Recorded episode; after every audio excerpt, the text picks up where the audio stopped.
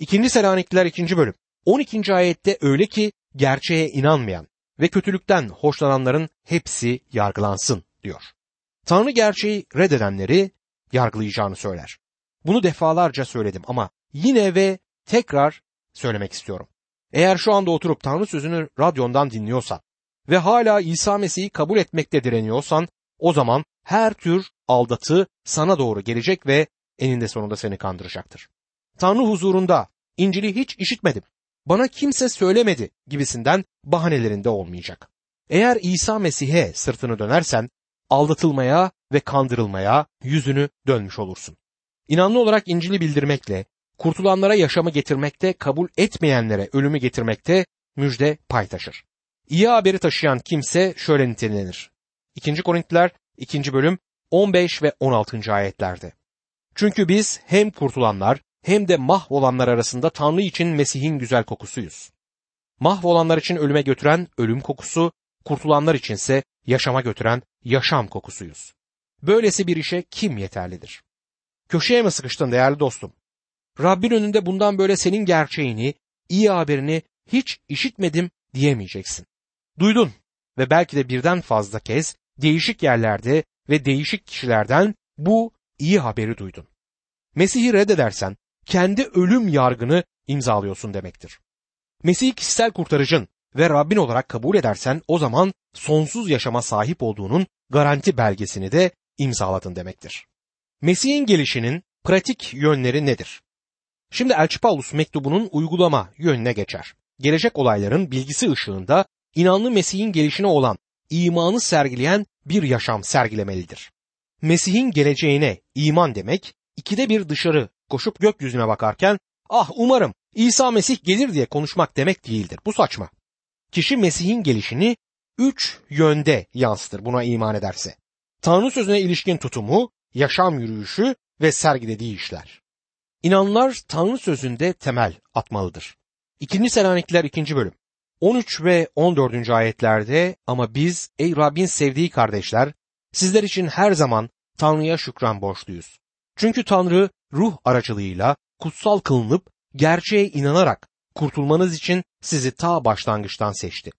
Rabbimiz İsa Mesih'in yüceliğine kavuşmamız için bildirdiğimiz müjdeyle sizi bu kurtuluşa çağırdı diyor. İnanıyorum ki bu iki ayet kurtuluş konusuna geniş bir açı kazandırır.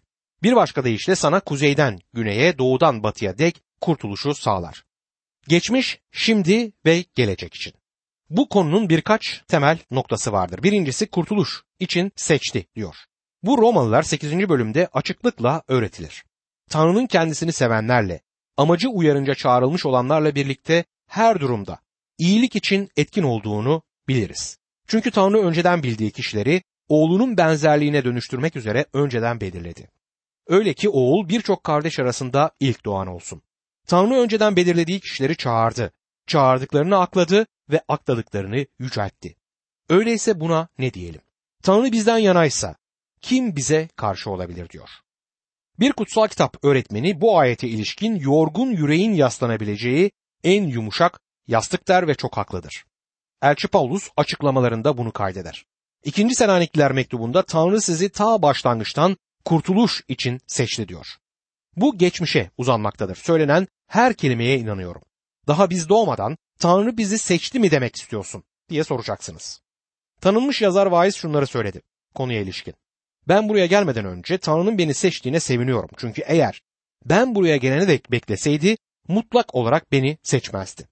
Bu demek oluyor ki eğer Mesih'e iman edersen bu Tanrı için bir sürpriz değildir. Ama madalyonun öteki yüzü de var. Her kim gelmeyi dilerse diyor kutsal kitap. Yuhanna 7. bölüm 37. ayeti size okuyayım. Bayramın son ve en önemli günü İsa ayağa kalktı. Yüksek sesle şöyle dedi. Bir kimse susamışsa bana gelsin, içsin. Bu kurtuluşun doğal yoludur. Karmaşık yollar değil bunlar. Eğer gelmiyorsan bu seçilmedin demek değildir. Asla. Gelmeme nedenini İsa susamış olmamak olarak tanımlar. Kurtarıcıya ihtiyacın olduğunu düşünmüyorsun demektir. Eğer susamışsan Mesih'e gel. İkinci temel nokta ise ruhun kutsaması aracılığıyla olmasıdır. Kurtuluşa seçilmek gerilere baktı şimdi. Şu ana baktığımızda bulunduğun durumda ve yaptığın işte kutsandın. İsa Mesih'i kişisel kurtarıcın olarak kabul ettiğinde Mesih'te oldun. Bu durumsal bir pozisyon kutsamasıdır. Ne demektir durumsal pozisyon kutsaması? Şu anki kutsanmış durum. Bu kurtuluş gelecek zaman grameridir. Aynı zamanda yaşamına yönelik kurtuluşun pratik yönleri de bulunur. Tanrı sözü aracılığıyla lütufta büyümektir bu. Üçüncüsü ise gerçeğe imanınız aracılığıyla diyor. Bu inanlı Tanrı sözünü öğrenecek demektir. Bu büyümenin ve gelişmenin yoludur. Dördüncü temel nokta ise Rabbimiz İsa Mesih'in yüceliğine erişmenizi amaçladı sözündedir. Bu gelecek içindir. Kilisenin göğe alınmasına ilişkin bilgi burada aktarılır. 1. Yuhanna 3. bölüm 2. ayette Sevgili kardeşlerim, daha şimdiden Tanrı'nın çocuklarıyız ama ne olacağımız henüz bize gösterilmedi. Ancak Mesih göründüğü zaman ona benzer olacağımızı biliyoruz çünkü onu olduğu gibi göreceğizler. Koleselilerde de bu aynı bildiri bulunmaktadır. Koleseliler 1. bölüm 27. ayette. Tanrı kutsallarına bu sırrın uluslar arasında nedenli yüce ve zengin olduğunu bildirmek istedi. Bu sırrın özü şudur. Mesih içinizdedir. Bu da size yüceliğe kavuşma umudunu veriyor der. İşte bu geleceğe yöneliktir. Önümüzde muhteşem, parlak bir beklentimiz var. Bu iki ayetin bize kurtuluşa ilişkin geniş bir açı kazandırdığını görüyoruz. Kurtulduk, kurtuluyoruz, kurtulacağız. Her biri Tanrı'nın işidir. İkinci Selanikliler 2. bölüm 15. ayette Elçi Paulus şöyle yazıyor. Öyleyse dayanın kardeşlerim. İster sözle, ister mektupla size ilettiğimiz öğretilere sımsıkı tutunun. Elçi Paulus yanlarındayken neler öğrettiğini bildirir Selaniklilere. Bu söz inanları ayakta tutmaya ve sağlam kılmaya yeterlidir. İkinci Selanikliler 2. bölüm 16 ve 17. ayetlerde ise Rabbimiz İsa Mesih'in kendisi ve bizi sevip lütfuyla bize sonsuz cesaret ve sağlam bir umut veren babamız Tanrı sizi yüreklendirsin. Her iyi eylem ve sözde pekiştirsin der. Rab İsa Mesih yüreklerimize refah ve teselli vermektedir. Bunu sözü aracılığıyla yapar. Bu bizi her iyi sözde ve işte destekleyecektir. Tanrı sözünü öğrenmeye çalışmak için bizleri teşvik edecektir ve Rabbin işine yöneltecektir. Tanrı sözü bizi teselli etmekte kalmaz. Aynı zamanda bizleri eğiterek desteklemek sözünün anlamını bizde gerçekleştirir. Bizler Tanrı sözüne temel attık. Her öğreti rüzgarı bizi yerimizden sökemeyecektir. Aklımız ve yüreğimiz ona merkezlenmeli. Bu bizi her günün geçici heveslerinden ve her yeni kitabı okuduktan sonra gelen baskılardan korur. Orada burada küçük kurslara koşturarak o ana, o döneme yarar şeyleri elde etmek amacımız olmamalıdır. İmanda destek bulmalı ve kök salmalıyız. Bu Tanrı sözüdür ve seni Tanrı'nın işine yöneltir. Üçüncü bölümde inanların aynı zamanda yaşam yürüyüşleri ve buradaki işleri konusunda da desteklendiğini görüyoruz. Görüyoruz ki Rabbin sözünü çalışmadan, öğrenmeden Rabbin gelişini, sevdiğini, özlediğini söylemek hem kendini hem de başkalarını kandırmaktır. Çünkü imanın yaşamında kendisini yalnız başına gösteremez. Seni çalışmaya itemez. Eğer gerçekten Mesih'e iman ediyorsan, onun için çalışırken çok meşgul olmalısın. Bir gün ona hesap vereceksin. Eğer yarın burada olacak olsa, bugün çalışır durumda olmamız gerekir. Onun gelişini burnumuzu pencerenin camına dayayarak yapmayacağız. Ya da her an gökyüzüne bakarak onu beklemeyeceğiz. Bunun yerine çevremizde Rab için ne yapabileceğimize bakmalıyız. Bu onun gelişini sevdiğimize, özlediğimize en büyük kanıtı oluşturacaktır. İkinci Selanikliler 3. bölümde Mesih'in gelişinin pratik yönü ele alınmaya devam edilir. İkinci bölüm inanların Tanrı sözünde temel atmaları üzerinde sonuç buldu. Elçi Tanrı'nın tesellisi ve her iyi işte ve sözde yüreklerimizi desteklediğinden bahsetti. Bu Rab İsa Mesih'in kişiliğinde sadakatle yapılır. Elçi Paulus inanlı olarak sahip olduğumuz muhteşem durumdan bahseder. Bizler seçilmişleriz. Kutsal ruhun kutsaması ve gerçeğe imanınız aracılığıyla Tanrı sizi ta başlangıçtan kurtuluş için seçti. Ve bizler Rab İsa Mesih'in yüceliğine erişme amacına çağrıldık. Bu büyük bir iştir. Heyecan verici ve tüyleri diken diken yapan bir çağrıdır. Üçüncü bölüme geldiğimizde Elçi Paulus inanlar olarak bize verilen belirli sorumlulukları bildirir. Efes'teki inanlara yaptığı gibi tıpkı vaktinizi çağrıldığınız çağrıya yaraşır biçimde geçirin diye çağrıda bulunur. Şimdi Elçi Paulus aynı şeyleri Selanik'teki inanlara söyleyecektir. İnanlar yaşam yürüyüşlerinde desteklenmelidir. İkinci Selanikliler 3. bölüm 1 ve 2. ayetlerde şöyle yazar. Son olarak kardeşler Rabbin sözü aranızda olduğu gibi hızla yayılıp yüceltilsin diye bizim için dua edin. Ahlaksız, kötü insanlardan kurtulmamız için de dua edin. Çünkü herkes iman etmiş değildir der.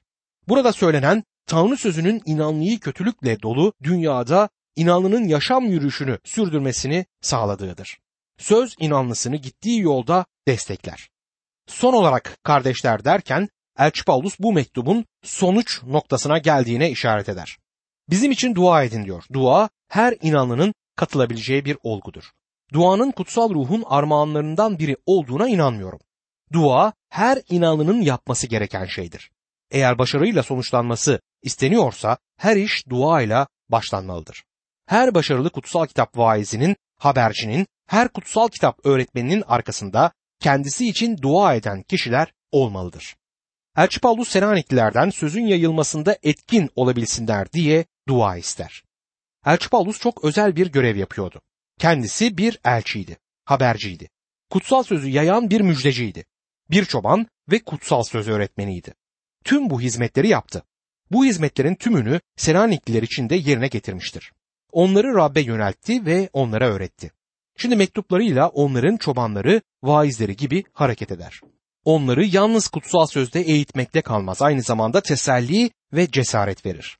Onlarla birlikte olduğu noktalardan birisi ise duadır. Bizim için dua edin diyor. Rabbin sözü tıpkı size eriştiği gibi hızla yayılsın ve yüceltilsin. Günümüzde Elçi Paulus için dua etmene gerek yok ama başkaları için dua edebilirsin. Bildirdiğim Tanrı sözü hızla yayılsın ve yüceltilsin diye benim için dua edersen bundan mutlu olurum.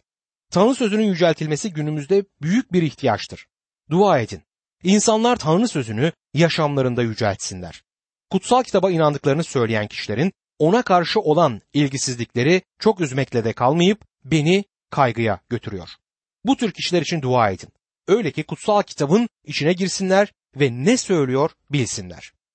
Sevgili dinleyicim, izin verirseniz senin vaizin için dua edeyim. İzin ver çok dikkatle anımsatayım. Vaiz olmak ne demektir biliyorum. Kutsal kitap öğretmeni olarak konferanslar vermek ne demek bilirim. Orada burada kutsal kitap seminerleri vermek bir kilisede vaiz olmaktan çok daha kolaydır. Bir kilise vaizinin taşıdığı sorumluluk büyüktür. Açıkça söylersek uğraşılması hiç de kolay olmayan birçok insanın derdini bu kilise önderi çeker. Elçi Paulus bizim için dua edin, ahlaksız kötü insanlardan kurtulalım diyor. Kilisede kötü adamlar olabileceği bilmiyorum aklınıza geliyor mu? Vaizin bu tür insanlardan kurtulmaya ihtiyacı var. İncil'in müjdesinin işi doğum uzmanının işi gibidir. Doğum uzmanı küçük bebeği dünyaya getirtir. Bunu bir ameliyat olarak niteleyebiliriz ama bundan sonra küçük bebek çocuk doktorunun eline gelir. Bebek sağlığı için tüm düzenlemeler, aşılar ve daha gereken ne varsa onu beklemektedir. Kilise vaizde çocuk hastalıkları uzmanı gibidir bir deyişle. Huysuz, inatçı ve bebek inanlarla en çok o ilgilenir. Bu çok çok uğraş, emek, sabır isteyen bir hizmet dalıdır. Yüreğim vaizler için atıyor. Konferanslara konuşmacı olarak katıldığımda birçok eli öpülesi vaizle karşılaşıyorum. Gitmek istediğim kilisede vaiz Tanrı sözünü vaaz etmeli, öğretmeli ve tüm Tanrı'ya ait şeylerin ardında dikilmelidir. Madalyonun öteki yüzü bu vaiz beni kendi minberinin ardında görmeye de hazır olmalıdır. Geçenlerde bir kiliseden ayrıldıktan sonra eşime bu hafta bu kilisede çok güzel bir hizmetimiz oldu. Yeterince kaldık burada. Bu insanlar gerçekten çok hoşlar ve düşünüyorlar ki ben de hoş biriyim. Tam zamanında buradan ayrıldık. Biraz daha kalsaydık onlar benim nasıl biri olduğumu, ben de onların nasıl insanlar olduğunu anlayacaktım. Onlara yararlı oldu. Vaiz bunu bana söyledi. Ama bu kilisenin yükünü ve dertlerini taşıyan odur gerçekte dedim. Ben basitçe işim sona erince buradan çekip gidebilirim. Sanıyorum ki kutsal kitap öğretmeniyle kilise vaizi arasında karşılaştırma yapmak kolaydır. Ama sanıyorum ki bu önemli farkı kavramak hepimiz için yararlı olacaktır. Kilise vaizleriyle, kilise önderleriyle kutsal kitap öğretmenlerinin sorumluluklarını karıştırmamalıyız.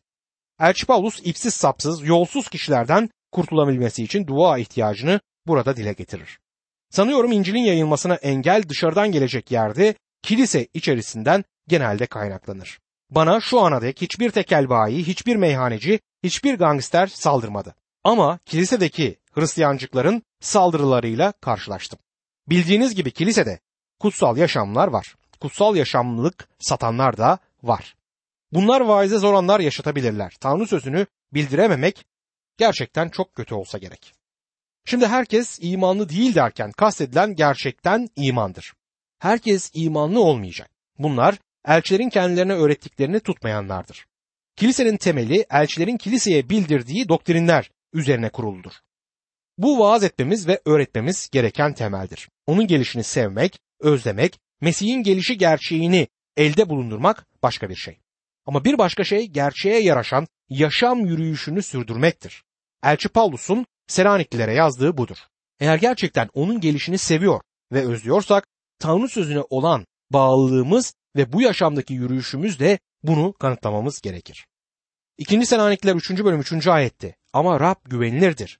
O sizi pekiştirecek, kötü olandan koruyacaktır der. Bu çok harika. Ben onu birçok olayda yere düşürdüm ama o beni asla düşürmedi. O güvenilirdir. O her zaman güvenilirdir. İnanlar bu küçük ayeti hassasiyetle kavramalıdır. Rab güvenilendir ve seni destekleyecektir. İnanların desteğe ihtiyacı var. Şu şada evlerde düzensizlik var. Kiliselerde düzensizlik var ve inanların yaşamlarında da düzensizlikler var. İnsanlar, uluslar arasında bu düzensizliği görüyoruz. Desteğe ihtiyacımız var. İnanlı nasıl desteklenebilir? Tanrı sözünün yaşamında etkin olmasına izin vermekle. Rab sözü aracılığıyla çalışmaktadır. Tanrı seni kötülükten kurtarır. Birisi şöyle bir söz kullanmış. Kutsal kitap seni günahtan uzak tutar, günah da kutsal kitaptan. İkinci Selanikler 3. bölüm 4. ayet. Buyurduklarımızı yaptığınıza ve yapacağınıza dair Rab'de size güveniyoruz. İnanlara yapmaları gerekenler buyrulur ve yine inanlara özel buyruklar verilir. Elçi Paulus Selanik Kilisesi'ne ilk mektubunun 5. bölümünde 22 tane buyruk vermişti. Yalnız 10 emir değil, 22 emir verilmektedir inanlara. Ve bunları yapmaları istenilir. Rab İsa beni seviyorsanız buyruklarımı yerine getirirsiniz dedi. Ve bunlar onun buyruklarıdır. Paulus'un buradaki inanlara güveni vardır. Selanikli inanlara güvenir. Rab için yapmalarını buyurduklarını, yaptıklarından ve yapmaya devam edeceklerinden kuşkusu olmadığını ifade eder. Selanik Kilisesi'nin sahip olduğu güzel tanıklığa ve bu tanıklığı sürdüreceklerine Elçi Paulus inanır. 2. Selanikliler 3. bölüm 5. ayette ise Rab yüreklerinizi Tanrı'nın sevgisine, Mesih'in sabrına yöneltsin der. İnanlı Rabbin sevgisinde yürümeli ve ilerlemelidir. Sevgili dinleyicim, eğer bugün onun sevgisinin güneşi ışığında yürüyorsan, Tanrı sevgisini yüreğinde taşıyorsan bil ki o seni seviyor.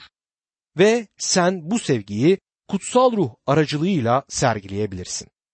Çünkü yalnız Tanrı'nın ruhu, Tanrı sevgisini bize gerçek kılabilir. Sevgi ruhun ürünüdür. Doğal olarak her Ali'yi, Veli'yi, Ahmet'i, Mehmet'i sevemezsin. Tanrı bunu beklemiyor zaten bizden. Öyle inanıyorum. Elçi Paulus Filipe'deki inanlara yazdığı mektubunda sevgimizin yargıya konulacağını bildirir. Böylece çevremizdekileri sevmekte dikkatli olmamız gerektiği vurgulanır. Çevrede onlara kollarımızı açtığımızda canımızı yakacak insanlar var. Tüm bu acılar Mesih'in katlanışına doğrultulsun. Bu tartışmalara kapılmadan, lütuf çağında olduğumuzun bilincinde, sabırla Mesih'in ikinci gelişini beklemeliyiz. Bunlar harika vaatlerdir. İkinci Selanikliler 3. bölüm 6. ayet. Kardeşler, bizden aldıkları öğretilere uymayıp, boş gezen, bütün kardeşlerden uzak durmanızı, Rab İsa Mesih'in adıyla buyuruyoruz diyor. Kardeşlerim size buyuruyoruz. Elçi Paulus kimsenin gözünün yaşına bir anlamda burada bakmaz. İnanlı düzensizlikle günlerini geçiremez. Meyhanelerde, diskolarda uyuşturucu müptelalarıyla oturup onlara tanıklık vermemiz gerektiğinde ısrar eden kişileri tanıyorum. Ne yazık ki bu yolu izleyen ve sonunda alkolik olan bir bayanı da tanırım. Tanrı her tür dengesizlikten uzak durmamızı buyurur. Elbette onlara tanıklıkta bulunacağız ama onların seviyesine inmeden kendimizi ifade edeceğiz. Tanrı kimi izlememiz gerektiğini açık bir şekilde bizlere bildirerek 2. Selanikler 3. bölüm 7. ayette şöyle diyor. Bizleri nasıl örnek almanız gerektiğini kendiniz biliyorsunuz. Çünkü biz aranızdayken boş gezenler değildik. Göçmen kuşlar birlikte uçar. hangi sürüyle birlikte uçman gerektiğine karar vermelisin.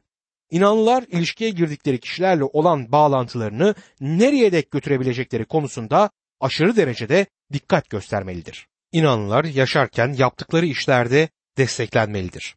Selanikliler Mesih'e bağlılıkta yürümekteydiler ve bunun yüzünden işkencelerle karşılaşmaktaydılar. Elçi Paulus onları teselli etti, eğitti ve yüreklendirdi. Şimdi onlara kendisinin de işkenceler çektiğini ve sıkıntılar yaşadığını aktaracaktır.